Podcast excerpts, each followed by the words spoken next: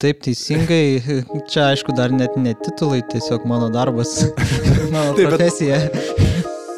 Labas, mėly klausytojai, sveiki įsijungę Profkastą. Jame, kaip ir įprasta, kalbėsime apie technologijų pasaulio naujienas. Konkrečiai šiandien pakalbėsime apie tai, kaip išmaniai laikrodžiai prisideda prie sveikesnio gyvenimo būdo. Su jumis sveikinuosi aš, Mantvidas, bitės profas ir šiandien studijoje svečias Vilniaus universiteto medicinos fakulteto doktorantas, šeimos gydytojas Antanas Bliūdžius. Sveiki. Sveiki. Visą laiką stengiuosi skaitydamas e, tuos titulus nesuklysti dėl to, kad žmonės labai daug darbo ir labai daug laiko įdeda tam, kad tuos titulus gautų ir dėl to man labai didelė atsakomybė dažniausiai būna juos perskaityti, tai tikiuosi, kad visus teisingai perskaičiau. A, taip, teisingai. Čia, aišku, dar net ne titulai, tiesiog mano darbas, mano taip, profesija. Mums paprastiems žmonėms visą laiką tie ilgi, manau, titulai skamba labai pakiliai ir labai išdidžiai. Aš manau, kad iš karto pradėsime gal šiandien mūsų pokalbį nuo pirmo klausimo. Ar pats esate išbandęs išmanų į laikrodį ir kokia būtų jūsų paties patirtis su išmaniaisiais laikrodžiais ir įrankimis? Taip, pats naudoju išmaniuosius įrenginius apie keturis metus. Esu išbandęs net kelių patikimų gamintojų skirtingus produktus ir tikrai esu patenkintas jų funkcionalumu ir teikiamą informaciją. Taip pat išmaniosius laikrodžius nešioju mano artimieji draugai, visada skatinu išbandyti šią technologiją ir kitus žmonės. Šiuo metu rašau net disertaciją apie išmaniųjų apyrankių daromą įtaką cukrinio diabeto prevencijai šitas faktas, kad rašo disertaciją, man yra tikrai dar įdomesnis ir aš labai norėsiu prie jo grįžti, bet būtent kalbant apie išmaniosius laikrodžius, iškart mintis krypsta prie jų, kaip ir minėjote, funkcijų arba teikiamų naudų. Viena jų integruota be ne kiekviename išmaniajame laikrodyje, aš kalbu savame suprantame apie žingsnematį ir fizinio aktyvumo sėkimo programėlės. Kaip svarbu yra aktyvus laisvalaikis ir judėjimas šiuolaikiniai visuomeniai? Taip, fizinis aktyvumas yra labai svarbus mūsų fiziniai ir psichiniai sveikatai. Bent jau yra tokia organizacija, kuri vadinasi Pasaulio sveikatos organizacija ir jinai teikia visokias įvairias rekomendacijas, e, kurios yra būtent būtent palaikyti žmonių fizinę ir psichinę sveikatą. Tai e, viena iš šių rekomendacijų yra, kad e, fiziniam aktyvumui turėtume skirti bent 150 minučių per savaitę e, vidutinio intensyvumo, būtent aerobiniams pratimas, arba bent 75 minutės didelio intensyvumo fiziniams pratimams arba, tarkim, lygiai, lygiai verčiams fizinio aktyvumo deriniams tai galėtume prilyginti 7 tūkstančiams arba 9 tūkstančiams žingsnių per dieną. Tai tas 10 tūkstančių žingsnių toks truputėlį pagražinta, pagražintas skaičius. E, taip, nu, tiesiog suapvalino, kad būtų visiems labai gražiai suprantama nulių sistema faktas, kai kuriems žmonėms šiaip gyvenant oficinį darbą ir yra sunku pakankamai pasiekti tuos 10 tūkstančių žingsnių. Ir kas yra įdomu, jog žingsnių kiekį savo išmaniosiuose laikrodžiuose galima nusistatyti individualiai, kaip ir minėjau, pagal poreikį. Tiems, kurie norėtų tapti aktyvesniais ir judėti daugiau, galima nustatyti kasdien įveikimų žingsnių ribą ir ją po truputėlį didinti, didinti, kelti. Ir pasiekus tuos savo užsibrieštus žingsnius, laikrodis, kaip ir visi išmaniai renginiai, mus pradžiugina, pasveikina, o tai, manau, kad prideda papildomai ir motivacijos. Daktarė, ar sutinkate, kad nusistatyti tikslai padeda žmogui daugiau judėti? Jau minėjote šiek tiek psichologinės pusės, gal galite kažkiek plačiau apie tai?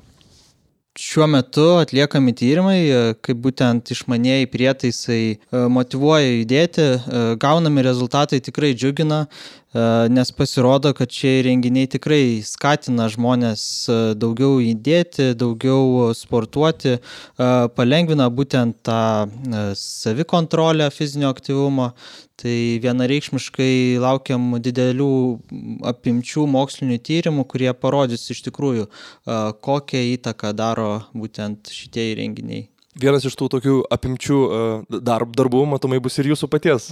Taip, kol kas atliekam e, pilotinį tyrimą, bet e, jis tikrai turėtų plėtotis ir didelės apimties tyrimą. Fū, labai tikrai, man tikrai įdomu apie darbą, dar prie jo prieisime. Dabar dar norėčiau pakalbėti apie antrąją funkciją, kurią minėjau, kad turi beveik visi išmanieji laikrodžiai, tai yra ta sportavimo režimo funkcija. Ji naudinga ne tik užsimant bėgiojimu ar važinėjimu dviračiu, bet ir mankštinantis namuose. Išmanusis laikrodis gali veikti kaip treneris, kuris rekomenduoja įvairiausias mankštos pratimus. Be viso to nurodo, kad, nu, iš tikrųjų tempa, jeigu truputėlį užsikeliate savo širdies per daug, kad reikėtų šiek tiek pakvepuoti, pailsėti ir stengtis savęs ir per daug nepervarginti. Kaip pavyzdį aš galvoju Samsung Galaxy Watch 3, kuris siūlo labai įdomią funkciją. Susinchronizavus jį su mobiliuoju telefonu arba televizoriumi, ekrane galima matyti daugiau nei 120 e, mankštos pratimų sąrašą ir tai labai naudinga, manau, ypač šiuo periodu, kai mes turime truputėlį daugiau būti namuose. Tas pats Samsung Galaxy Watch 3 ir netgi Apple Watch 6 turi degonės kiekio kraujyje nustatymo funkciją, kas, kaip supratau ir manau, kad čia galėsite plačiau pakomentuoti, tai yra tiesiogiai susijęs su mūsų fizinė veikla. Tai kodėl svarbu yra išlaikyti tą degonės kiekio kraujyje normą? E, na, tas degonės e, matavimas e, yra labai įdomus dalykas, labai dabar plačiai pradėtas naudoti, ypač prasidėjus koronavirus pandemijai. Va šitas procesas, e, normos išlaikymas yra mažai nuo mūsų priklausantis dalykas iš tikrųjų, nes organizmas turi ir taip ganėtinai tobulą savireguliacijos sistemą. Ką mes galime padaryti, tai tiesiog pagerinti agonės e, pasisaviną ir pasiskirstimą organizme. Tam labai padėtų fizinė veikla, sportas, vaikščiojimas e, griname ore Tačiau vat, būtent tas degonės matavimas, jisai galbūt labiau aktualus prie įvairių susirgymų, tai lėtinės obstrukcinės plaučių lygos, pavyzdžiui, kuri yra dažnai pasitaikanti rūkoriams, taip pat astmos arba sergant plaučių uždegimu arba netgi tą pačią COVID-19 infekciją. Supratau. Pakalbėjome apie aktyvę fizinę veiklą, bet nepamirškime ir reguliaraus išjudėjimo. Didžioji dalis išmaniųjų laikrodžių turi minutės pertraukėlės funkciją - priminimą, kad reikia atsistoti šiek tiek nuo kėdės, pajudėti bent trumpam, atsikelti nuo darbų. Tai nebejotinai, manau, turi svarbią rolę mūsų savijautai. Sakykite, kodėl svarbu nepamiršti būtent tas reguliarus pajudėjimas? Reguliarus pajudėjimas yra tikrai mums labai svarbus ir mes dažnai pamirštame tai daryti. E, mūsų smegenys yra organas, e, kuris ne tik atlieka milžinišką darbą, sunaudoja didelius energijos kiekius, bet turi ir palsėti, atsistatyti. Ypač e, šiais laikais, kai didžioji mūsų darbo dalis yra va, tas protinis darbas. Atliekant protinį darbą būtina daryti bent 15-20 minučių per traukėlės, jas geriausia daryti kas valandą ar pusantros nes jų metu smegenims duodama atsikvėpti ir kaip tik apdarojama informacija. E, pertraukėlės padeda mums lengviau sutelkti dėmesį, atlikti loginės užduotis, įsiminti gaunamą informaciją. Polsi būtina gerai išnaudoti aktyviai. E, užtenka išeiti pasivaikščioti, geriausiai įkvėpti grino oro, galima lengvai pasportuoti, pažaisti stalo futbolą, kas yra labai populiaru šiais laikais. Ką pats labiau mėgstat, stalo futbolą ar stalo tenisą? A, Abu labai man patinka, bet e, stalo tenisas kažkaip man leidžia labiau pajudėti. Supratau, daugiau jau esate išmokęs visokių triukų. Taip, nu, bet aš vis dar lėtas. Tai. tai tikrai aš manau, kad darbo metu padarote tas pertraukėlės, kaip ir sakot, bent pats. Padarote darbę. A, tiesą pasakius, darbe nepavyksta, nes dėl darbo organizavimo mes dažniausiai konsultuojam 6 valandas iš eilės be jokių pertraukų ir tikrai darbo pabaiga efektyvumas darbo yra žymiai pablogėjęs negu darbo pradžioje. Tai nu, tiesiog tokia darbo organizavimo tvarka ir tai yra ganėtinai arhaiška sistema. Supratau, jūs tiesiog jų nedarote, nes neturite laiko, o kiti žmonės, aš matau, kad mes sutarėme su tuo, kad kiti žmonės tiesiog kartais pamiršta ir būtent šitoje vietoje išmaniai laikrodžiai, manau, būtent ta integruota priminimo funkcija tikrai jam padėtų.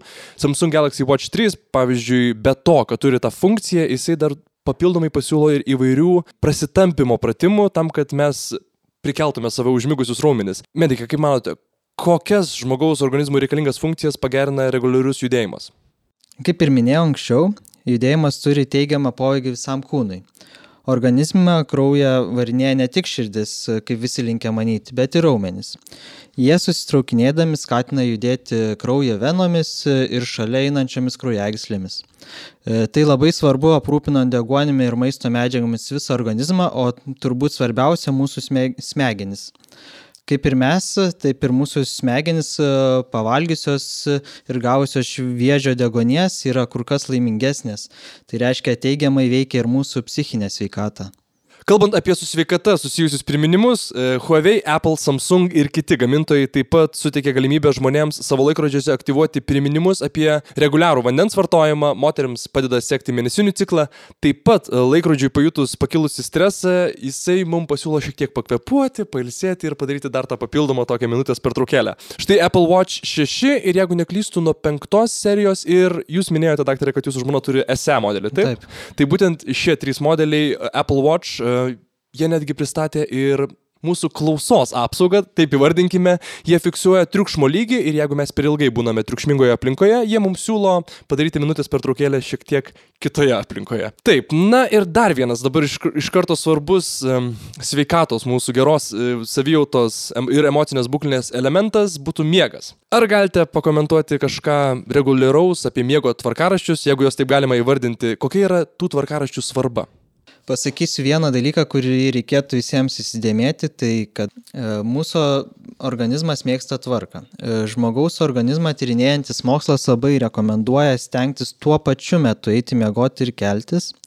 Suaugusiems žmonėms rekomenduojama nakties miego trukmė yra apie 7-9 valandos kiekvieną naktį. Dėl, to tikrai rekomenduočiau vadovautis šiomis būtent miego gairėmis. Sakykite, o ar yra, aš girdėjau, kad yra kažkokios miego stadijos. Kokios jos yra? Taip, e, tikrai yra. Tai miego stadijos yra skirstomos į REM, e, dar kitaip vadinamos Rapid Eye Movement. Čia kai akis labai aktyviai juda. Taip, uh -huh. galima net matyti iš tikrųjų kartais, kaip juda obolys. Ir e, not REM, tai reiškia, kai akis nejuda, paprastai kalbant. Ir jų yra netgi trys.